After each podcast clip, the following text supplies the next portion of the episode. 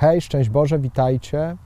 E, Jesteśmy już e, w szóstym, ostatnim odcinku dotyczącym e, znaków czy zapowiedzi naszego ocalenia i zwycięstwa, które płynie z Krzyża Świętego, a które już możemy dostrzegać w Starym Testamencie. Dzisiaj opowiem o kwitnącej i owocującej lasce Aarona.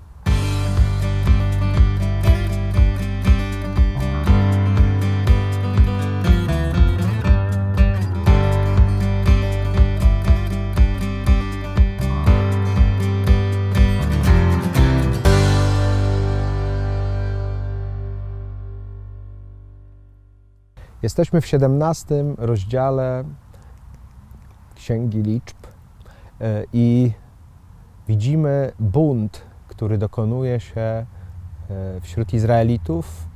E, Bunt Koracha, który zazdrości Aaronowi tego, że jest kapłanem i że ród Lewitów jest przeznaczony wyłącznie do kapłaństwa. Że sam również uważa, że jego ród powinien mieć takie samo znaczenie, a tym samym też podobne e, korzyści.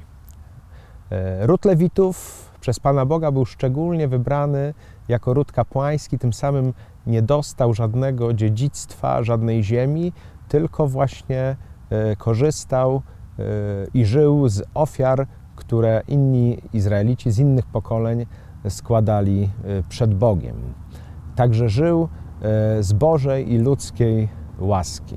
Najwyraźniej żyło się im na tyle dobrze, że Korach i jego lud e, tego właśnie e, Aaronowi i Lewitom e, pozazdrościli. Dlatego domagali się, aby oni również mogli być e, kapłanami. E, Nie taki był jednak pomysł Pana Boga. Widzimy, że e, już w Starym Testamencie to Pan Bóg chce decydować o tym, kto Jemu e, ma służyć. I w tym fragmencie e, e, widzimy, e, jak e, Pan Bóg prosi, aby z każdego pokolenia e, przewodniczący e, dał swoją laskę e, jako taki znak właśnie przewodzenia swojemu pokoleniu e, i żeby właśnie te laski złożyć w przybytku.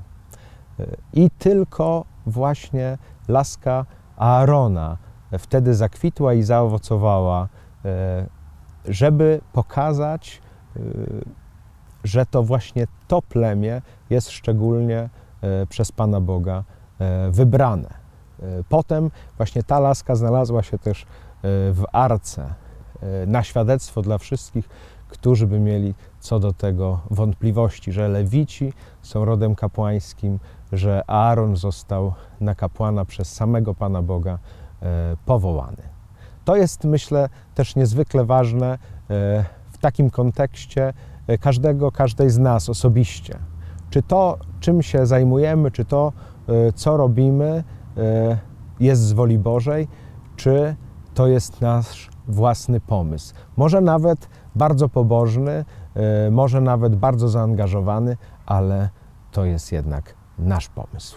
Myślę, że bardzo y, grozi nam to w życiu duchowym, y, żeby nie słuchać Pana Boga, y, żeby y, myśleć po swojemu, żeby patrząc na innych, czy nawet im zazdroszcząc, wymyślać dla siebie samemu te zadania, które byśmy chcieli spełniać w Kościele. Możemy wtedy rzeczywiście rozczarować się tak jak Korach, który marnie skończył, mówiąc krótko. Hmm? I wcale nie dlatego, że chciał go Bóg ukarać, ale dlatego, że sam y, zaczął chodzić drogą, która nie była jego. To jest niezwykle ważne dla nas. Ostatnio usłyszałem od jednego z biskupów, który nam radził, żeby bez modlitwy, bez pytania Pana Boga w ogóle do niczego się nie zabierać. Że jeżeli mamy jakiś pomysł, to najlepiej byśmy usiedli i poczekali, aż nam przejdzie. Chyba, że rzeczywiście to jest e, pomysł, do którego sam Bóg nas zaprasza. Krzyż to jest poważna sprawa. Właśnie noszenie takiej władzy, czy takiej władzy, lepiej powiedzieć, która jest służbą, choćby jaką jest kapłaństwo, nie można sobie tego samemu brać, ponieważ nie podołamy. To jest ponadludzkie siły. Jeżeli Bóg mnie natomiast wybierze, będzie e, mi zawsze towarzyszył i będzie mi zawsze w tym błogosławił. Natomiast nie jest mądre, a może nawet e, źle się skończyć, jeżeli uzurpujemy sobie e, taką władzę czy taką posługę sami. Myślę, że patrząc na laskę Arona, która kwitnie i która owocuje, możemy się cieszyć tym darem, który każdy z nas otrzymał. Dlatego, że to jest zapowiedź, że jeżeli e, oprzemy się na woli Pana Boga, e, na Jego słowie, to możemy doświadczyć wielu owoców w naszym życiu, a tego chyba wszyscy pragniemy.